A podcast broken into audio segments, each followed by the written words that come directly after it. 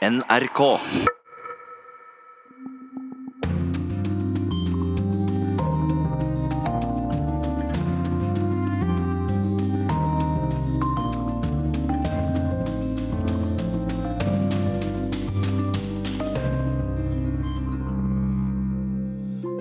EUs avtale om migrantene har blanke felt på størrelse med Middelhavet.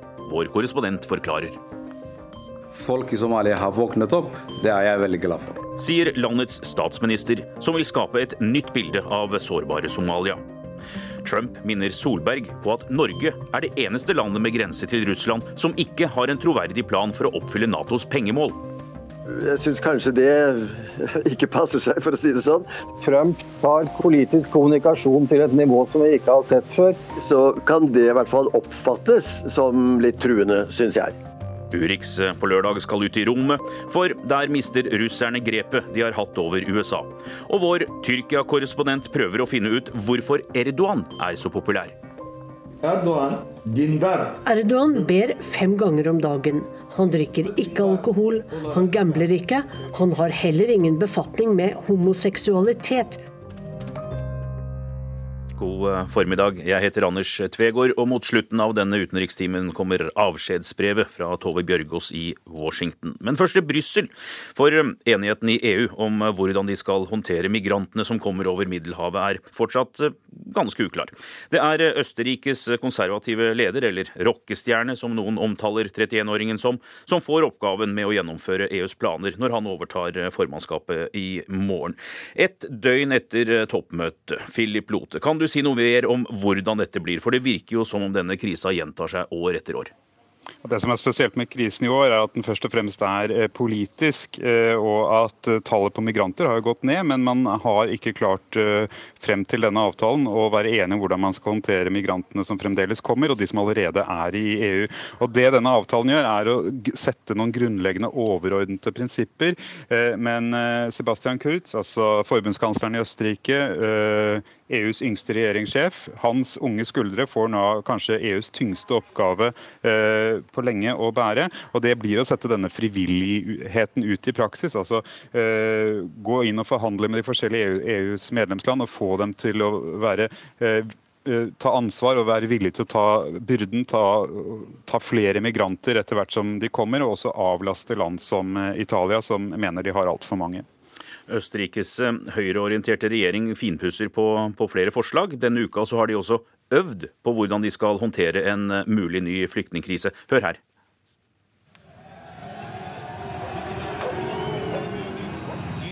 Schæferhunder bjeffer, militærhelikoptre brøler like over bakken, og hundrevis av østerrikske politifolk med hjelm og køller løper i flokk for å forsvare landets grenser. På den andre sida står hundrevis av tilsynelatende opprørte unge menn og rister i grensegjerdet. Dette er på grensa mellom Slovenia og Østerrike, en mulig port inn i Europa langs det som har blitt kalt Balkanruta for migrantene. En stat der im Fall der Fälle seine Grenzen nicht effektiv schützen kann, der verliert seine Glaubwürdigkeit. Et land som ikke kan beskytte grensene sine, har ingen troverdighet. Det som skjedde i 2015 må aldri skje igjen. Det er det vi ønsker å si fra om her, sier den østerrikske innenriksministeren Herbert Kickel. Han tilhører det høyrepopulistiske Frihetspartiet, som er juniorpartner i den konservative østerrikske regjeringen. Både han og forsvarsministeren følger fornøyd med på hva som skjer langs grensa. For i dag er det hele nemlig en øvelse. En øvelse for å forberede Østerrike på en ny mulig flyktningkrise, som den sommeren 2015. De unge mennene som står og rister i grensegjerdet, er utkommanderte politikadetter.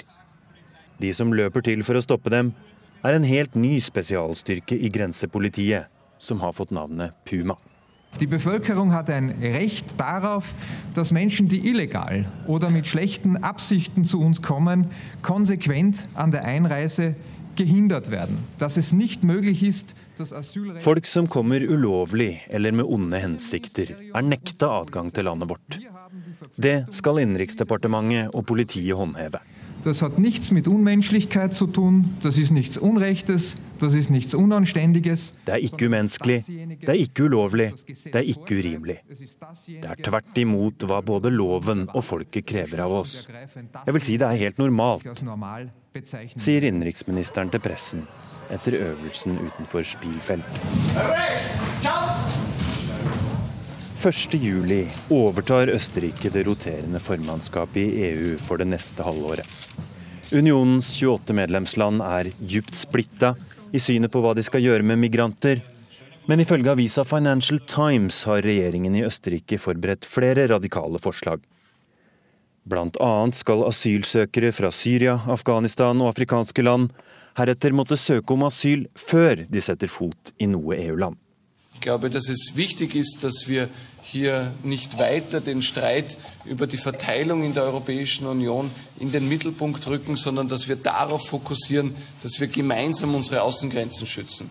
Nur wenn wir als Europäische Union sichere Außengrenzen gewährleisten können Jeg mener vi må slutte å krangle oss imellom om hvordan vi skal fordele migrantene. I stedet må vi jobbe for å trygge våre ytre grenser. Bare når EU har en trygg ytre grense, kan vi arbeide videre for målet vårt om et Europa uten indre grenser, sier den unge og konservative østerrikske kansleren Sebastian Kurz. I forrige uke var han på besøk hos Viktor Urban i Ungarn, som sammen med Polen, Tsjekkia og Slovakia alle regnes som innvandringskritiske, og som alle avslo å delta på EUs toppmøte om migrasjon. Også fra den nye populistiske regjeringen i Italia og fra de konservative kristeligdemokratene i Bayern i Tyskland møter EU nå stadig mer høylytte krav om en strengere europeisk asyl- og innvandringspolitikk.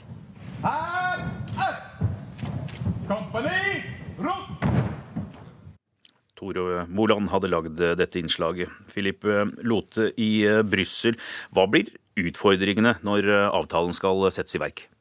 Det som blir Sebastian Kurz og EUs utfordring her, er jo å gjøre to ting. Det er å prøve å få på plass disse mottakssentrene utenfor EU, altså enten i Albania, som er blitt foreslått, eller i Nord-Afrika. Dette er en idé som Kurz selv er meget begeistret for. Og får han til det, så vil han også kunne bruke noen av sine gode kontakter. Han har gode forbindelser til de østeuropeiske landene som er skeptiske til å ta imot migranter. Hvis han klarer å få til det, og sånn sett styrke yttergrensene til EU, så vil nok de også være mer villige til å ta imot migranter som allerede er kommet til f.eks. Eh, Italia. Men allerede så er det eh, konflikter her, og det viser at avtalen har jo blanke felt nærmest på størrelse med eh, Middelhavet som må fylles. og Senest i går så sa Macron at disse nye mottakssentrene som skal opprettes innenfor EU, som er lettere å få på plass raskere enn de som man planlegger utenfor, de skal ikke være i Frankrike, fordi at Frankrike er ikke et land som eh, flyktninger og migranter kommer til først. De skal være i type Spania, Hellas og Italia. og Da protesterte Conte som sa at uh, avtalen vi har inngått er solidarisk, og Frankrike må også opprette denne type sentre. Så her er det uh, ganske stor grad av uh, forskjellige måter å lese avtaleteksten på. Mm. Og, og mottakssentrene i Nord-Afrika, kan det bli Europas Guantánamo-leir? Hjelpeorganisasjonene som nå blir hardt presset, og veldig mange vil jo ikke bistå deres redningsskip lenger, de, de mener jo det. Og det er mange andre også som er, er, skeptiske. Men det EU sier, er at hvis de oppretter denne type leirer utenfor EU, så ønsker de f.eks. å samarbeide med FNs høykommissær for flyktninger, UNHCR. Og dette er noe som FN ikke har avvist. Men det er helt klart et spørsmål som vil bli stilt. Vil disse leirene kunne ta, ivareta menneskerettigheter og rettssikkerhet? Philip Lote. Det er 80% færre flyktninger og migranter som når Italia fra Libya i år. og Et av forslagene altså er at det opprettes mottakssentre der asylsøknadene kan behandles uten at migrantene setter ben på europeisk jord. Men det er noe verken Libya eller Tunisia vil være med på. Her fra Midtøsten, Kristin Solberg.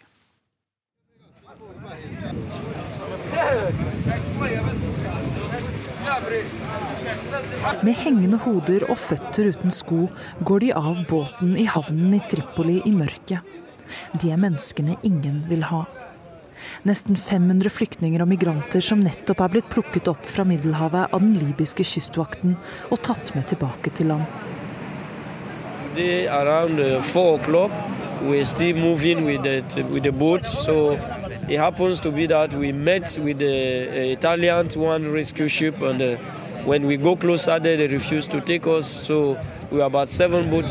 there. So Samuel Biti er migrant fra Kamerun og forteller til nyhetsbyrået AP at de ønsket å bli plukket opp av et italiensk skip på havet, slik at de kunne nå Europa.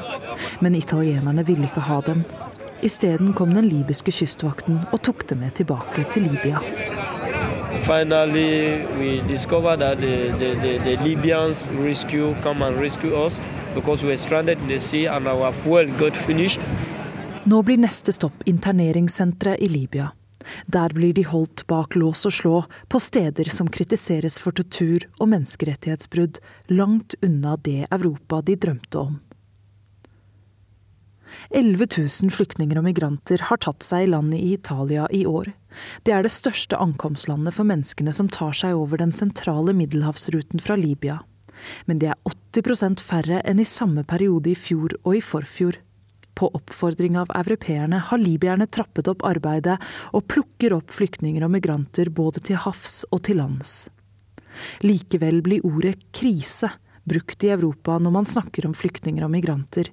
Regjeringer kan falle, samarbeidet trues. Og EU ser etter andre løsninger. Et forslag er å starte nye sentre i Nord-Afrika, ikke som de mye kritiserte interneringssentrene som allerede eksisterer i Libya, men sentre der asylsøknader kan behandles uten at flyktninger og migranter setter fot på europeisk jord. Già giovedì al Consiglio europeo il governo italiano Forslaget ble senest fremmet da Italias innenriksminister Matteo Salvini var på besøk i Libya denne uken.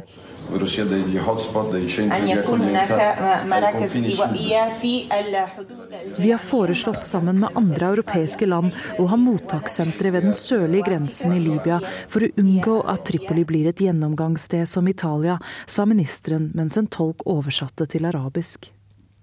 Men det finnes et stort problem. De nordafrikanske landene vil nemlig ikke ha slike sentre. På en pressekonferanse avviste Libyas visestatsminister Ahmed Maitig ideen umiddelbart. نحن كليبيين نتفق في كثير من الاشياء مع الاوروبيين فيما يخص الهجره غير الشرعيه ولكن نرفض Vi er enig med mange av punktene til europeerne når det gjelder ulovlig immigrasjon, men vi avviser kategorisk migrantsentre inne i Libya, sa han.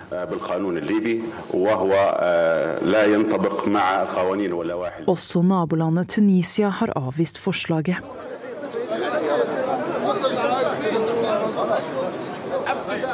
Mellomtiden går de som ble hentet fra Middelhavet denne uken, en uviss skjebne i møte, sammen med titusenvis av andre flyktninger og migranter. I offisielle eller uoffisielle interneringssentre, noen drevet av Libyas mange militser. Historier om mishandling kommer ofte. Nylig ble et dusin mennesker fra Somalia, Eritrea og Etiopia skutt og drept da de forsøkte å flykte fra et slikt senter i Bani Walid. According to the survivors, people were shot while trying to escape and during attempts to recapture them. The survivors spoke of torture, abuse, and exploitation at the hands of traffickers, some being held in captivity for up to three years. De ble skutt da de forsøkte å flykte. Overlevende forteller om tortur og mishandel av menneskesmuglere.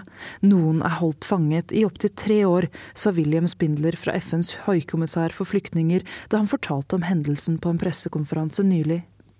It's the latest uh, horror story coming out of uh, Libya, where, as we all know, uh, people are being held by traffickers um, in horrific conditions, uh, often sold uh, into modern day slavery. Det er i verste fall noe slikt som venter menneskene som ingen vil ha, der de venter i mørket i havnen i Tripoli, etter at drømmen om Europa feilet. Et um, annet afrikansk land som uh, sliter med dårlig rykte, er Somalia. Gjerne fordi pirater har kapret skip, eller pga. terroraksjonene de siste ti åra som islamistgruppa Al Shabaab har stått bak. Men nå skjer det noe. Jeg må endre retorikken, den gale bildet som verden har hatt om oss. Til å være noe annet. Er... Mannen som vil uh, tegne et nytt bilde av Somalia, er Hassan Kair, Flyktninghjelpens tidligere utsending på Afrikas Horn. For litt over et år siden ble han statsminister. Urix på lørdag blir eskortert forbi sikkerhetsvaktene i korridoren og inn på hotellrommet hans. Hei. Hei, du. Anders Tvegård. Hei, Anders. NRK. NRK, ja. Hvordan går det? Hassan Kaire var nylig tilbake i Norge. Det er veldig interessant. Spennende. 50-åringen kom hit for første gang på 1980-tallet som flyktning, og har fortsatt norsk statsborgerskap. Det er en glede å være i Somalia, men det er en glede å komme tilbake til Norge også. Det er, dette er det landet som har investert i meg. Eh, det landet som jeg har kommet når jeg trengte trygghet. Eh, og gjennom investeringen Norge har gjort i meg og mange andre norske somaliere, så er jeg nå eh, statsminister for mitt land. Eh, og jeg håper at jeg vil bidra til at Somalia blir et stabilt nå. Og det ser sånn ut nå at vi er på vei til riktig fremskritt. Kulene fra regjeringsstyrkene gjorde at en landsby i Somalia ble erklært frigjort fra Al Shabaab for et par uker siden. Stedet, som heter Sangoni, var en viktig inntektskilde for terrorgruppa, fordi her ble bøndene tvunget til å betale skatt og gi fra seg maten de dyrket, forteller noen av dem til Reuters. Al Shabaab har mistet mye av landområdene de kontrollerte, men utfører fortsatt angrep i Somalia. Det er eh, seks år siden terrorgruppa hadde tilhold i en storby som Kismayo, men eh, til tross for mindre territorium, analytikerne er uenige om styrken og tilstanden til Somalias farligste væpnede gruppe. Men for at vi skal kunne gå videre og beskytte oss mot eh, ytre påvirkninger, så må vi ha legitimitet for våre folk. Anse oss til å være den eneste muligheten som de kan stole på. Og det gjør vi gjennom bedre fordeling av ressurser. Kompetent eh, folk som driver og gir tjenester til folk. Og tendensen i vårt land har nå endret. At veldig mange er ganske opptatt av hva regjeringen gjør. Det er ikke sånt lenge at eh, politikere alene kan drive politikk i Somalia. Folk i Somalia har våknet opp. Det er jeg veldig glad for. Statsminister Kaire mener dette er rett tidspunkt å investere i Somalia. Somalia er et mulighetens land i Øst-Afrika pga. Eh, vårt strategiske beliggenhet. Ressursene vi har. Det får være olje, det får være mineraler, det får være landbruk, det får være eh, fiskeri. Enorme potensial når det gjelder eh, folk, somalierne som er aktive folk. Og i tillegg til det eh, så er vi det landet som kobler Øst-Afrika og Midtøsten sammen. Det er eh, masse potensial i dette landet, og vi prøver å tiltrekke oss så mange investeringer som mulig. Statsminister Hassan Kaire får drahjelp fra det norske statlige investeringsselskapet Norfund. Her er det satt av millioner av kroner i et fond som skal støtte opp om små og mellomstore bedrifter i det sårbare landet. Også denne måneden. Det russiske formannskapet i FNs sikkerhetsråd leser opp en erklæring fra rådet som ber flere land punge ut for soldatene og Den afrikanske unions militæroppdrag i Somalia. FNs sikkerhetsråd uttrykker også alvorlig bekymring over trusselen Al Shabaab utgjør, og maner til samhold. Det har vært en tendens at folk forbinder Somalia med kriminalitet, elendighet, piratvirksomhet. Det endrer seg. Samtidig fraråder fortsatt Norge alle reiser til Sør-, Sentral- og Nordøst-Somalia. Akkurat hva som er igjen er noe uklart, fordi sikkerhetssituasjonen er høyst usikker. Altså, Vi har jo gått gjennom store problemer i, nærheten av 30 år. Eh, husk i vårt historie Afrikas første demokrat var Somalia. Fra 1960 til 1969 vi hadde politiske partier. Vi hadde valg. Eh, og så tok det mange år før de andre afrikanske land eh, kom etter oss. Nå er vi i en fase hvor vi igjen gjenfinner vår historie. Eh, det er riktig at det er fortsatt deler av landet hvor sikkerheten ikke er 100% men det at vi investerer i økonomien, at vi skaper jobber, at vi begynner å jobbe med verdenssamfunnet, at vi etablerer oss som et land hvor verden kan komme og investere, pluss at vi har ledelse som eh, jobber veldig tett sammen, så mener jeg at eh, vi har alle forutsetningene for at det landet her skal bli det vi vil at vi skal bli. Det virker som det norske utenriksdepartementet må endre reiserådene sine til Somalia dersom forretningsmenn skal kunne komme? Eh, det er helt riktig. og så skal du huske at Den tidligere utenriksministeren Borge Brende har jo vært på besøk til Mogadishu mens jeg var statsminister. Vi håper nå at uh, andre ledere fra Norge skal også kunne komme og samarbeide med oss.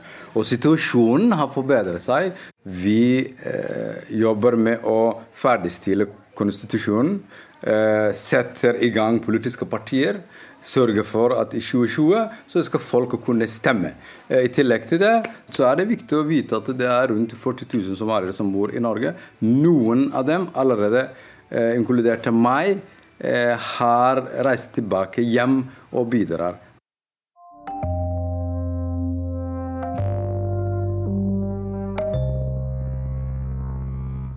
Snart mister Russland et grep de har hatt over USA. Nå har eh, russerne monopol på å sende mennesker opp til den internasjonale romstasjonen. Og det russisk-amerikanske romarbeidet har ikke alltid vært eh, uten konflikter. USA jobber nå på spreng for å gjøre klar en ny generasjon romfartøy, made in the US of A. Det som ruller over steppene i Kasakhstan er et tog med en rakett på toppen. Det er slik russerne transporterer sine romraketter til oppskytningsplattformen. Det skjer ved rombasen Baikonur, stedet som de sovjetiske romingeniørene bygde opp på 1950-tallet, og som nå blir leid av den russiske stat. Her har det skjedd mye. Sputnik, Gagarin og 1700 oppskytninger av den historiske Soyuz-raketten.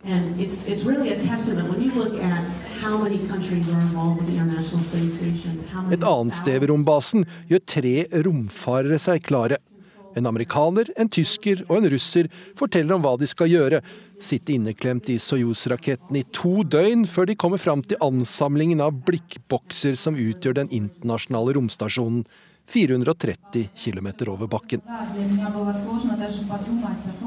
At det er amerikanere og europeere her, er en historisk tilfeldighet. Da Sovjetunionen falt, virket det som en god idé å samarbeide. Samarbeidet virket fortsatt fornuftig da amerikanerne pensjonerte sin romferge for sju år siden. Nå er det å samarbeide tvingende nødvendig. For det er bare russerne som kan sende mennesker opp til den store investeringen, den internasjonale romstasjonen. Noe som har irritert mange amerikanere i en god stund nå. The future of American space leadership. We're going to lead again. Vi skal lede an igjen. Det er lenge siden vi har gjort det. Det er rommet som gjelder, sa president Donald Trump i fjor. Og det er mye som skjer på den amerikanske siden.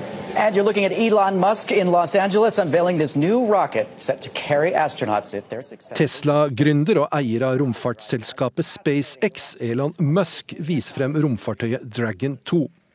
En versjon av fartøyet de allerede bruker. Dragon, som nå er på vei til den internasjonale romstasjonen, men uten mennesker om bord. SpaceX har lagt betydelige ressurser inn i å gjøre den trygg nok til at det blir akseptabelt for den amerikanske romfartsorganisasjonen NASA å sende opp astronauter med den. And, uh, so um, Musk sa tidligere i år at den første oppskytingen med mennesker vil skje på slutten av året. Det er veldig få som tror på ham. Det som blir regnet som sannsynlig, er en eller annen gang neste år.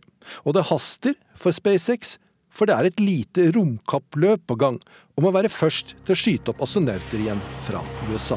We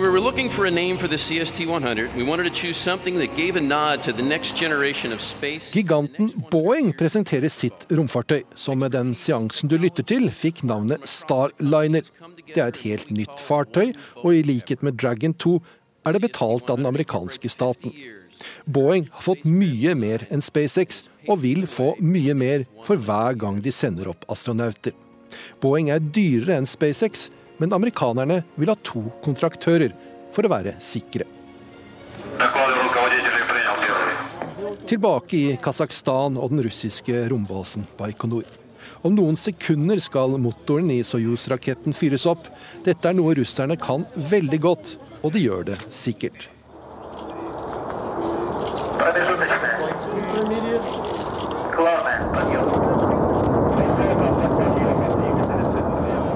Det gikk bra denne gangen også. Det er lenge siden russerne mistet en romfarer. USA har en dårligere historie, med tap av 17 menneskeliv. Ingen astronaut fra Europa har mistet livet, men snart skal også de opp med de nye, relativt uprøvde romfartøyene så lederen for den europeiske romfartsorganisasjonen ESA, Johan Wörner, er ikke bare begeistret for den kommende endringen. I don't see that this is any difference. In fact, I like that these teams are mixed and that there are different spacecraft. Now we are using a Russian one, maybe next time American, and who knows, maybe we can also use at one time a European spacecraft.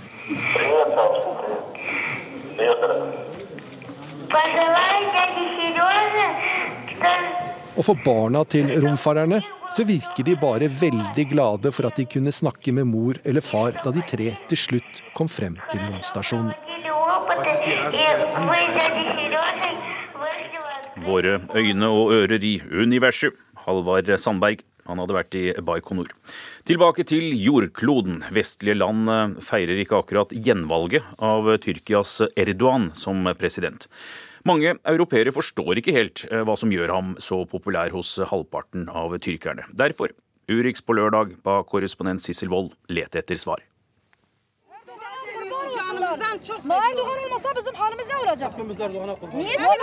Vi vil dø for ham. Om han ikke hadde vært til, hadde vi hatt det forferdelig. Vi er alle villige til å ofre våre liv for ham. Vi er omringet av oppklødde Erdogan-tilhengere i Diyarbakir under valgkampen. Hvor kommer denne intensiteten fra, lurer jeg på. Han står opp for islam, er ofte svaret. Vi oppsøkte tre autoriteter på islam for å høre mer om hvorfor Erdogan er så populær. Ali Risa Demirjan er en kjent teolog som gir millioner av tyrkere råd om den rette islam på TV. Erdogan dindar. Erdogan ber fem ganger om dagen. Han faster, han drikker ikke alkohol, han gambler ikke, og han har ikke forhold til andre kvinner enn sin kone. Han har heller ingen befatning med homoseksualitet, understreker imamen overfor NRK. Her cuma günü cuma namazı vesilesiyle halkın içindedir. Hver fredag går han i moskeen, og han sitter sammen med fattige folk og spiser. Og når den kjente TV-teologen snakker om dette, begynner han å gråte. Vi har ikke hatt en slik leder på 150 år. Nasjonen ser han som en far eller som en eldre bror som forsvarer dem. Men hvordan spiller Erdogans religiøse syn inn i politikken hans, spør jeg. Mesela Verdiene han er inspirert av, strider imot Nato, imot EU og imot et sekulært utdanningssystem.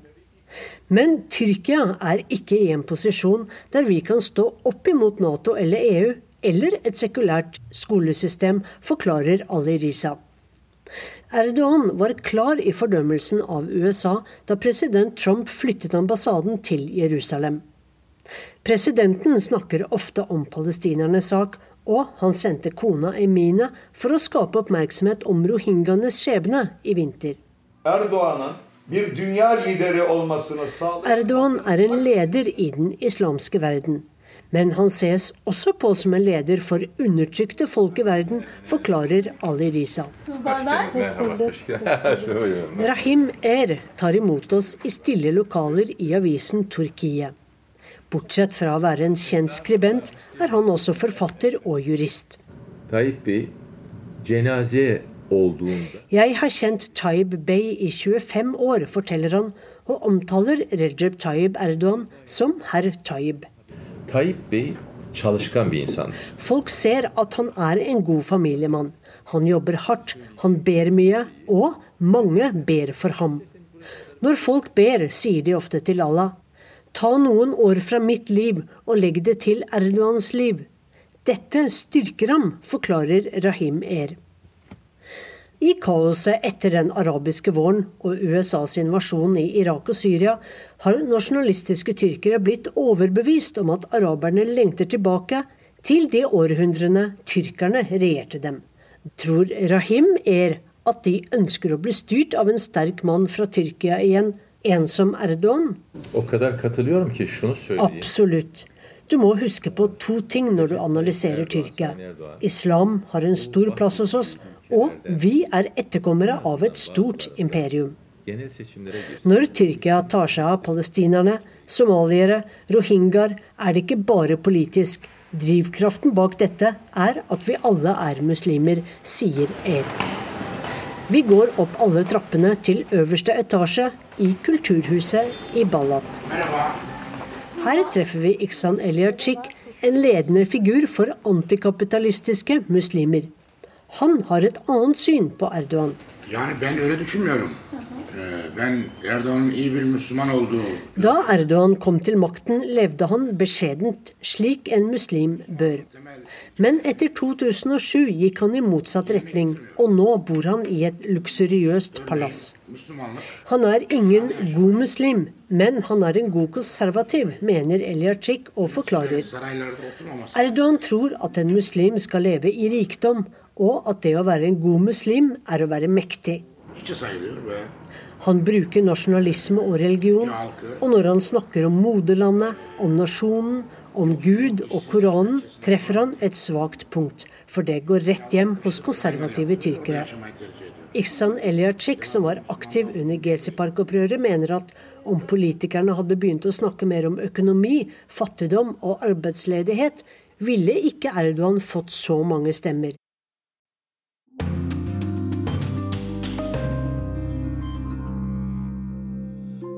Du lytter til Urix på lørdag. Andre saker i verden nå.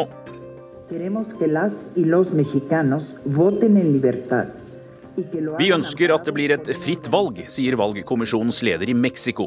Millioner av stemmesedler kjøres ut før meksikanerne velger president i morgen. Venstrekandidaten AMLO prøver seg for tredje gang og ligger best an. FNs migrasjonskontor har avvist USAs kandidat for første gang på 50 år. Organisasjonen valgte heller en portugiser til ny leder for FNs migrasjonskontor. Amerikansk etterretning mener Nord-Korea anriker uran flere steder, melder NBC, og at produksjonen av brensel til atombomber har økt de siste månedene. Og skulle du være i Latvia, så er kormusikken du kanskje hører, en årlig greie. Men i dag er det 11 000 sangere som står på en scene i Riga for å markere 100 år som selvstendig stat. Natos toppmøte er to uker unna, og der er det ventet at den tidligere Jugoslavia-republikken Makedonia blir invitert inn i det gode selskap. Hellas lover å ikke stikke kjepper i hjulene som de gjorde for ti år siden. Nå har nemlig makedonerne vist vilje til å endre navn på landet. Helt i mål er de ikke, for det skal stemmes i Makedonia. Men landets forsvarsminister Radmila Sekerinska sier til NRK at hun forventer at Nato nå holder løftene sine. It was really a decision of two nations, two governments and two countries. Hun er på europaturné for å søke om støtte for medlemskap i Nato. Hellas har lova å ikke legge ned veto dersom avtalen blir ratifisert. Macedonia has paid a huge price We Men først skal folket i Makedonia stemme over avtalen i ei folkerøysting. have lost the last 10 years because of the Greek veto when it comes to NATO membership. We have lost 13 years. Vi har tapt ti år pga. det greske vetoet mot vår Nato-søknad, og 13 år når det gjelder EU-søknaden vår. Under Nato-toppmøtet i Bucuresti i 2008 var Makedonia klar til å bli en del av forsvarsalliansen. George W. Bush og Condoleezza Rice gjorde det de kunne for å overtyde Hellas, som til slutt sa nei. Siden har det vært stillstand, men nå har det kommet en ny forsvarsminister i Pentagon. Og USAs James Mattis har lova full støtte til den makedonske regjeringa det neste halvåret, forteller Sekerinska. We don't expect uh, miracles. We don't expect presence. We expect that the EU and NATO will honor their words. Roger Severin Bruland snakket med Makedonias forsvarsminister. Og apropos gjentatte løfter. Nato-allierte som ikke bruker nok penger på forsvar, har fått et brev fra den amerikanske presidenten. Det er litt eh, klipp og lim, men eh, også språk som er skreddersydd mottakerlandet. Hovedbudskapet er at amerikanerne er lei av å betale for sikkerheten i Europa. Trumps brev til Canadas Trudeau og Norges Solberg har lekket ut til pressen. Nå er det ikke uvanlig eller oppsiktsvekkende at USAs president vil ha allierte til å ta en større del av regninga. We have seen a decline steadily in European defense spending generally. That has to change. Her Obama. Every ally needs to carry their men eh, også Bush var krystallklar om byrdefordeling i alliansen. Men eh, tidspunktet og tonen i Trumps brev gjør at eh, Urix på lørdag søker litt mer kunnskap. Hallo? Morten Wetland, tidligere FN-ambassadør og statssekretær for både Brundtland, Jagland og Stoltenberg. Han har sett mye av posten som går inn og ut av statsministerens kontor. Men eh, brev fra en statsleder til en annen? Det er ikke veldig vanlig. Og i hvert fall ikke at man går så rett på sak i store og krevende politiske spørsmål. Brev mellom statsledere blir gjerne brukt til å gratulere hverandre med, med valg og gjenvalg. og for å kondolere når det er altså ut fra sånne høflighetsbetraktninger i omgangen mellom statsledere. Men det er sjelden at man går head on, altså så kraftig inn på så vidt betente politiske spørsmål. Det som er spesielt her, er jo at eh, Trump velger å gjøre dette helt offentlig. Det er jo derfor han skriver dette brevet, slik at det skal komme ut. Eh, enten ved at VG får tak i det, sånn som i Norge, eller at det lekker på en annen måte, slik at saken blir kjent og omtalt. Og Dermed får han oppmerksomhet både hjemme og i Natos medlemsland på en ganske effektiv måte. Men da du så uh, Trumps brev, hva tenkte du? Jeg tenkte at vi er i en fase hvor Trump tar politisk kommunikasjon til et nivå som vi ikke har sett før. Vi kjenner jo til tweetene hans, uh, hvor han sier de merkeligste ting ofte. Men, men her har han tatt et amerikansk primærstandpunkt og sier i klartekst hva han mener om Nato-landenes bruk av penger på, til forsvarsformål.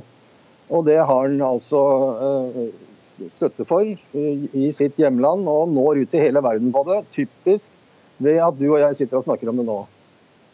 Et eh, brev kan jo kanskje være mer poengtert enn en, en telefonsamtale eller et eh, møte eller en tweet, i, den grad tvitring er, er, blitt normalisert. Men hva, hva, tror du han kan oppnå ved å sende disse brevene? Fordi tweets er jo også, er jo også offentlige. Eh, de er også offentlige, men de er vesentlig kortere. Her får han eh, plass til å underbygge sitt standpunkt. Og han har selv kontroll over hvilke ord og vendinger som kommer ut i offentligheten. En telefonsamtale finnes det jo i hvert fall to, om ikke flere, vitner til. Og det kan være litt uklart hva som ble sagt. Eh, og Det samme ved, ved samtaler og møter hvor begge parter tar referater. Så han skaper sikkerhet på at det er akkurat dette han har sagt til i dette tilfellet Norge, men også overfor de andre Nato-landene. Morten Wetland, burde statsminister Solberg eh, skrive et brev eh, tilbake? Altså Forventer eh, Trump et, et skriftlig svar? Jeg tror ikke det er noe poeng for han å få svar på dette. for han, Hans poeng har vært å vise USA og verden hva han mener om disse spørsmålene. Og det er kommet fram med all ønskelig tydelighet. Eh, Erna Solberg kan jo ikke avvike fra det hun har sagt, og som hun og utenriksministeren og forsvarsministeren har sagt i møter med amerikanerne og Nato-partnerne. Det vil ikke eh, være naturlig å endre noe på norsk holdning til dette. Altså Norske satsinger på Forsvaret det avgjøres av regjeringen i budsjettkonferanser og i de løpende regjeringskonferanser. Det kan man ikke avvike fra sånn, eh, i løpet av en uke som svar på et brev. Eh, hvis de overhodet skal svare, noe jeg tror ikke er verken nødvendig eller naturlig, så må det være å si at takk for brevet, dette ser jeg fram til å diskutere med deg på Nato-toppmøtet. Og så punktum. Sa Morten Wetland, som tok en pause fra møter i New York eh, for oss. Trumps stil fortsetter å overraske selv garva diplomater og politikere. Han var utenriksminister og så ambassadør i USA i seks år. Knut Vollebekk, trente øyne ser gjerne budskap mellom linjene i brev fra en hovedstad til en annen. Hva tenker du om president Trumps brev til Nato-kolleger som ikke betaler nok? Nå vet jeg ikke om jeg er så trent lenger, men eh, det man i alle fall eh, vet, er at det er jo ikke første gangen at en amerikansk president eh, kritiserer eller understreker betydningen av at USAs allierte tar et ansvar for å dele på byrdene når det gjelder forsvarsutgifter, og ikke minst at man skal gå, nå opp dette 2 %-målet. Det som kanskje er annerledes med dette brevet, er for det første tror jeg det er liksom Eh, situasjonen det kommer i. Vi er nok mer skeptiske. Vi ser med litt mer mistenksomme øyne på brev fra den nåværende amerikanske presidenten, dessverre, enn vi har gjort før. Og så Det som jeg merker meg spesielt, er kanskje henvisningen til Norges grense med Russland og nærhet til Russland. Det, jeg syns kanskje det ikke passer seg, for å si det sånn. Til tross for at, han, at Trump har en del hyggelige innledninger, så kan det i hvert fall oppfattes som litt truende, syns jeg. Eh, hvordan eh, truende da at han, at han trekker inn eh, Russland? Ja, på den måten at han jo da uh, gjør det klart hvor sårbare vi er, og det er vi jo for så vidt kjent med. Og også da hvor avhengig vi på mange måter er av hjelpen fra USA. Og det kan jo ligge en liten sånn undertone her at hvis dere nå ikke oppfyller dette kravet eller dette målet som vi har kommet med, så er det ikke sikkert at vi vil komme og stå dere bi. Og det er jo noe av det som mange snakker om i dag, at, at alliansens solidaritet er truet. At uh, president Trump ikke på samme måte som tidligere presidenter står ved USAs forpliktelser, og at uh, artikkel 5 på en måte undergraves gjennom dette. First and foremost to the NATO alliance. Our commitment to that is steadfast, uh, including Article 5.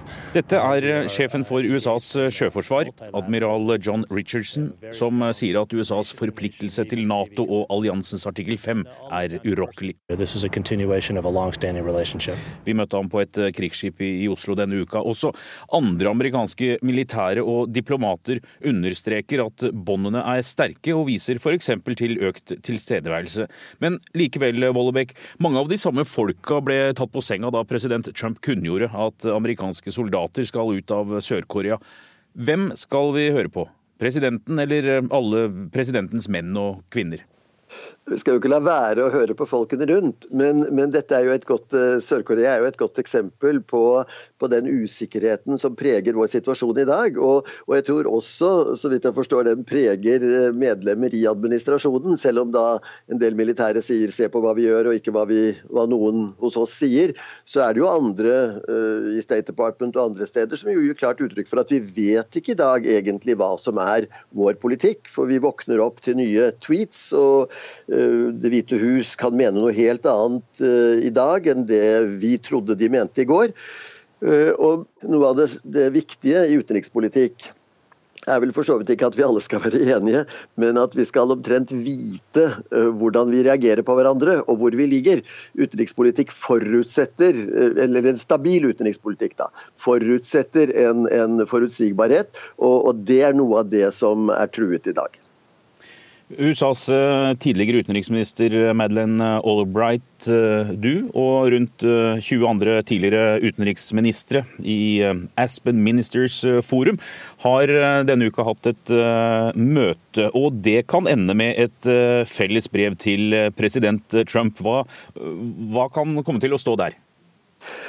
Møtet var preget av eh, nettopp eh, de store problemene som vi ser i de transatlantiske forbindelsene. Det er jo ingen tvil om at de transatlantiske forbindelsene er mye mer utfordret i dag enn det de har vært på hvert fall svært lenge, og kanskje noen gang etter annen verdenskrig. Og Det man ønsket, var å et, sende et budskap til president Trump og også til den amerikanske kongressen om betydningen av å opprettholde disse forbindelsene. Ikke stille spørsmålstegn ved forpliktelsene som USA har overfor sine allierte. At det er viktig i lys av den eh, vanskelige og kanskje hva skal vi si, ustabile situasjonen som mange opplever at verden står overfor i dag. Er det noen konkrete eh, trekk eh, Trump har tatt som gjør dere bekymret? Vårt møte kom jo ikke så veldig lenge etter eh, G7-møtet, og tidligere, Canadas tidligere utenriksminister Lloyd Axworthy er medlem i vår gruppe. og Det er jo ingen tvil om at eh, det som skjedde der, og kanskje spesielt det som skjedde i etterkant av G7-møtet, har gjort folk bekymret. At uh, den amerikanske presidenten deltar på et møte, for så vidt der, selv om han uh, kanskje kan oppfattes som vanskelig og hard, men allikevel går med på noe. Og så får man i etterkant beskjed om at uh, dette gjelder ikke allikevel. Og Det er vel denne, denne usikkerheten, denne uforutsigbarheten som verdenspolitikken i dag preges av, som er av aller størst betydning for mange av oss. Er det da kanskje greit å ikke ha slike toppmøter i, i, i det hele tatt? Det er jo også en annen, etter mitt mening noe helt nytt. Noen av Nato-ministrene har tydeligvis eh, kommet med, med, utspill hvor de sier at kanskje vi skulle droppe dette toppmøtet fordi vi er så usikre på utfallet av det. Og Hvis vi kommer dit at uh, alliansens ministre mener at vi er bedre tjent med ikke ikke å møtes for å drøfte felles utfordringer, felles problemer og finne felles løsninger på dem, da er vi kommet veldig langt eh, på en farlig vei, etter min mening. For da er vi i ferd med å så tvil om nettopp solidariteten som jo har preget Nato-alliansen i alle år etter at den ble opprettet. Sa Knut eh, Vollebekk. Så var det ukas korrespondentbrev, det aller siste, fra Tove Bjørgaas, som pakker sammen i Washington. Det lukter lakris. Rart, for det er faktisk vanskelig å få tak i god lakris i USA. I alle år har folk jeg har fått på besøk, hatt med seg lakris fra Skandinavia.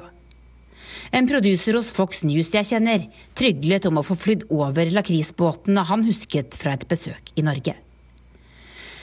Men det finnes ikke så mye som en lakrisbåt i denne bilen.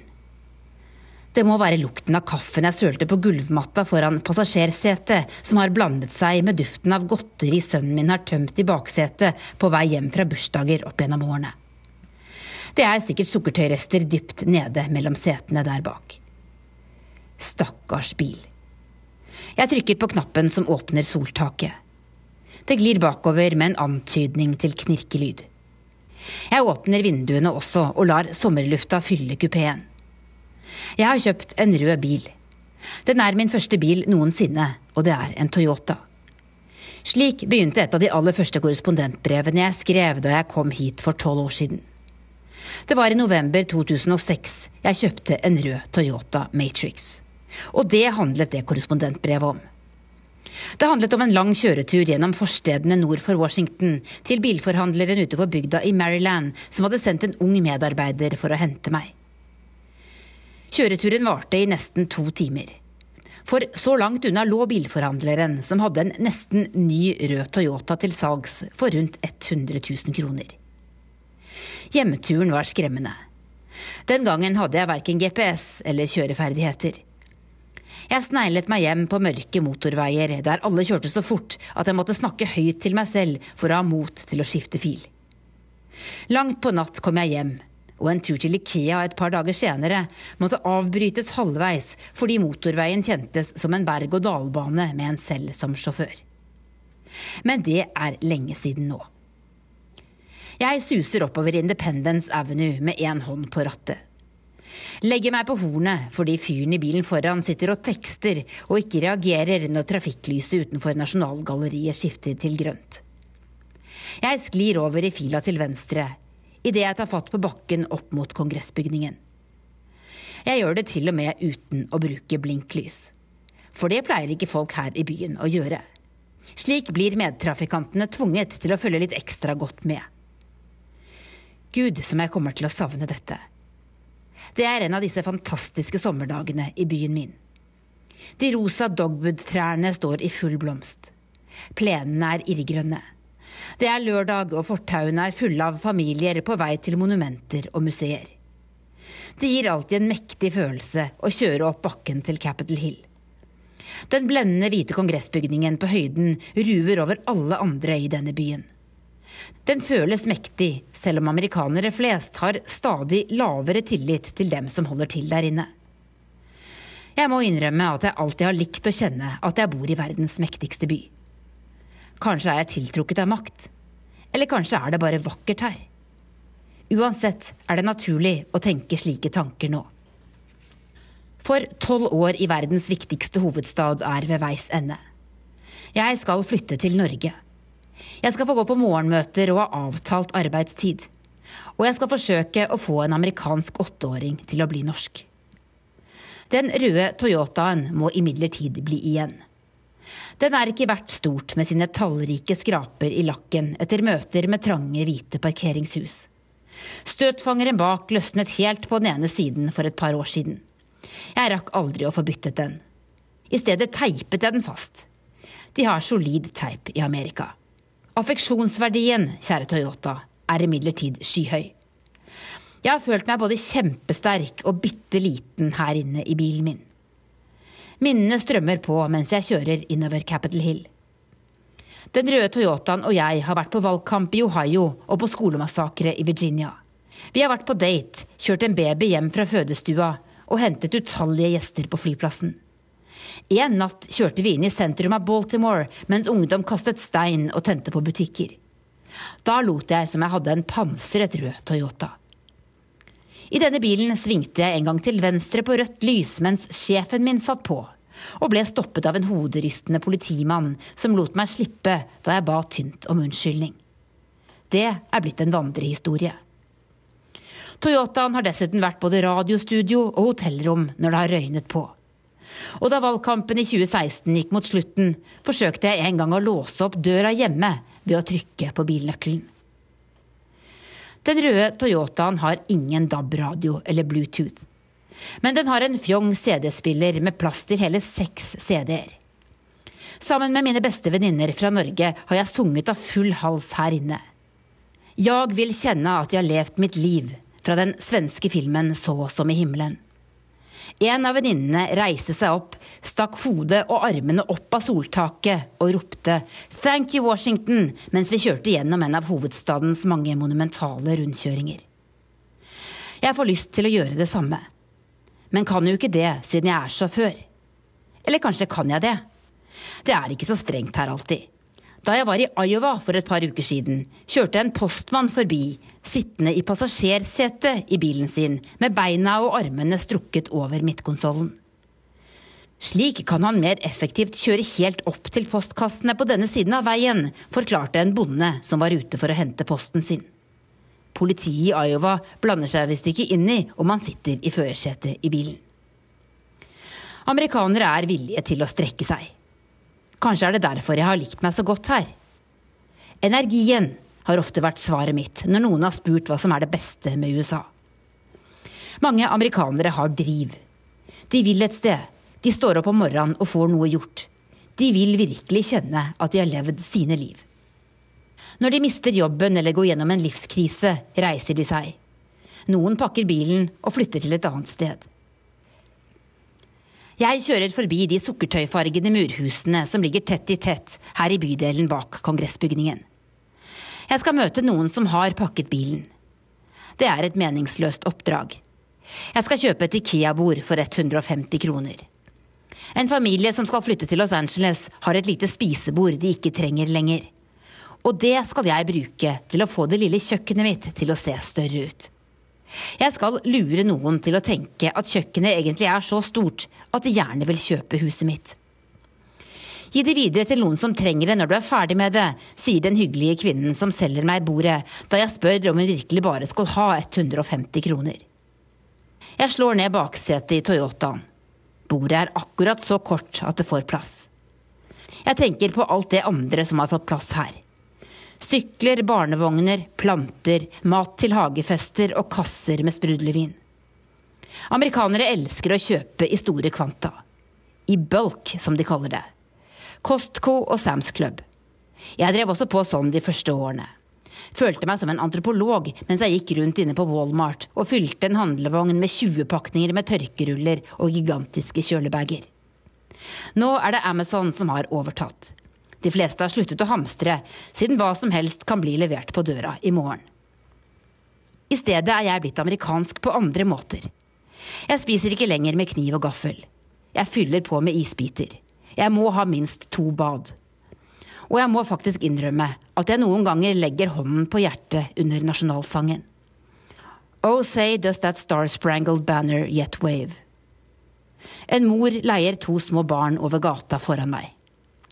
Med ett kan jeg ikke se dem tydelig. De blir slørete.